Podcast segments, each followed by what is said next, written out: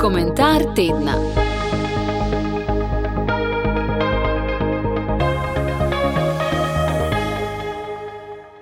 Majski komentar sem zaključil z mislijo, da je skrajni čas za unovično počlovečenje s pomočjo holistične vzgoje, katere ključen del bo poleg psihičnih in telesnih razsežnosti tudi duhovnost, torej celostno oblikovanje človeka.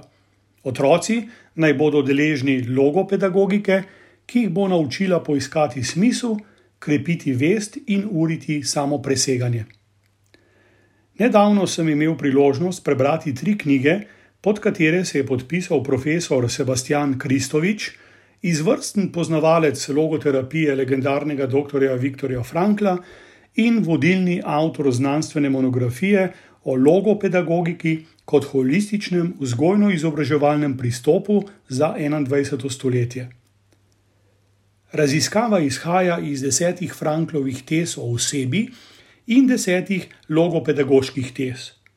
Ponuja 25 smernic oziroma gradnikov holistične paradigme vzgojno-izobraževalnega procesa, ki človeka obravnavajo v telesni, duševni in duhovni razsežnosti. To sjajno knjigo bi morali prebrati pedagogi na vseh nivojih vzgoje in izobraževanja, od vrca do univerze in onkraj, kot tudi starši, politični odločevalci in preostali vzgojitelji ter učitelji. Bistvo vsega je namreč človek in za izboljšanje slehrnika potrebujemo sveže vzgojno-izobraževalne pristope, drugače se nam slabo piše. Deset tez o osebi nas spominja, da je človek individuum, nedeljiva in enotna oseba. Je tudi insumabile, se oproščam za tujke, kar pomeni, da je poleg enovitosti takisto celovitost, saj se ne more povsem zliti z ničemer in je novum, absolutna in popolna novost. Oseba je duhovna, kar se še posebej kaže v njenem dostojanstvu, Med duhovne razsežnosti pa spadajo še vrednote, odgovornost, svoboda, odnosi, samotranscendenca, samodistanca, vest, intuicija, ustvarjalnost, volja do smisla in še marsikaj. Oseba je bivajoča, ker se vedno odloča, kaj bo storila v naslednjem trenutku, je navdana z jazom. Človek ustvarja telesno, duševno in duhovno enovitost in celovitost, je dinamičen in se je zmožen distancirati od svojega telesa in psihe. Podobno kot žival ne more dojeti sveta, tudi človek ne more povsem razumeti nad sveta, absolutnega smisla življenja, neskončnosti in vesolja, kar je že področje nadsmisla. Oseba lahko samo sebe v celoti dojame šele v presežnosti, ki ji prisluškuje v svoji vesti. Na podlagi Franklove deseterice sta znanstvenici iz Avstrije in Švice razvili deset logopedagoških tez, ki nas učijo, da je človek soustvarjalec svojega ravnovesja, oblikuje se skozi usmerjenost k smislu, zasluži si spoštovanje, želi si orientacijo, je svoboden in odgovoren. Sam se odloča, kako bo deloval, stremi k neodvisnosti, je dinamičen in odprt proti svetu, se svobodno spopada z življenjskimi krizami in je duhoven. Naš znanstveni cvetober je omenjene temelje nadgradil s 25 smernicami holistične paradigme vzgojno-izobraževalnega procesa. To so predvsem svoboda in odgovornost, dostojanstvo, volja do smisla, vzgoja za smisel, ustvarjalnost, empatija, avtonomija, personalizacija, samostojnost, občutek za lepo, vest in intuicija, vzgoja za vrednote, odnos do presežnega in vera, etika, svetovni etos, ljubezen, ustrajnost, odpornost in delovne navade, samotranscendenca, duševno zdravje in še nekatere druge. Teze prav tako upoštevajo mednarodno razširjene in obče znane UNESCO-ve štiri stebre, oziroma jih je zdaj pet. Učiti se, da bi vedeli, učiti se delati, učiti se živeti skupaj, učiti se biti in učiti se postati svetom.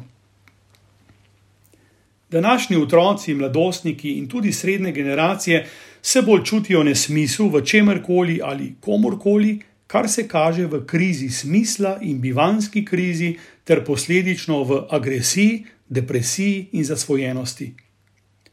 Ukrepati bi morali že zdavnaj, a se še vedno pogovarjamo, opozarja ravnateljica in izjemna strokovnjakinja Leonida Zalokar, kajti otroci vidijo, da nič ne moremo, zato dobivajo še večjo moč. Narcisizem in psihopatija sta na pohodu, obladujeta svet. V populaciji sta en ali dva odstotek psihopatov, kar pomeni, da jih je pri nas med 20 in 40 tisoč.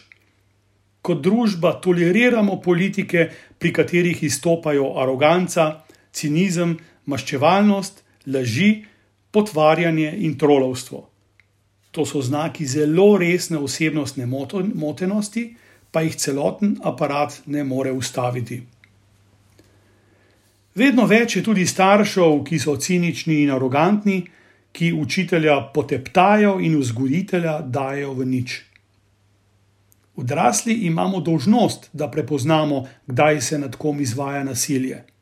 Če to spregledamo ali ignoriramo, lahko tak otrok prej ali slej izbruhne in reagira nasilno. Šola bi morala imeti avtonomijo, kajti starši in odvetniki tamkaj nenapovedano nimajo kaj iskati. Šole morajo imeti možnost otroka odstraniti, da se umiri. Vzpostavljeni bi morali biti multidisciplinarni timi. Na fakultetah pa ne bi smel poučevati profesor, če nima najmanj pet ali raje deset let praktičnih izkušenj. Bravo, gospa Zalokar, se povsem strinjam, vas podpiram in vam od srca čestitam za pogum. Z radostjo bi želel omeniti še konkreten primer obetavne prakse. V naslednjem študijskem letu bomo na Naravoslovno-tehnički fakulteti Univerze v Ljubljani pričeli izvajati izbirni predmet celostno razmišljanje in delovanje, ki je nastal v okviru nacionalnega programa za ukrevanje in odpornost na podlagi interdisciplinarnega sodelovanja strokovnjakov treh fakultet, poleg naravoslovno-tehniške, še fakultete za pomorstvo in promet in filozofske fakultete Ljubljanske univerze.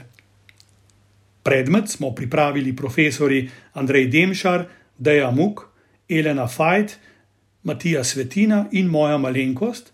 Vsebina pa bo usredinjena na študenta z namenom izboljševanja njegovih kompetenc na področju, s katerim se ukvarja. Temeljni cilj je razvijanje samostojnega, kritičnega, odprtega in celostnega razmišljanja študentov o sistemih, njihovih medsebojnih povezavah in posledicah njihovega delovanja, kakor tudi povezovanje naravoslovnih in tehnoloških znanj z družboslovnimi in humanističnimi znanji v imenu trajnostnega delovanja v dobro širše družbene skupnosti. Naučiti bi jih želeli razmišljati o današnjem času s pogledom na včeraj, danes in jutri, ter ustvarjati nove modele, pristope, rešitve in vizije. Komentar tedna.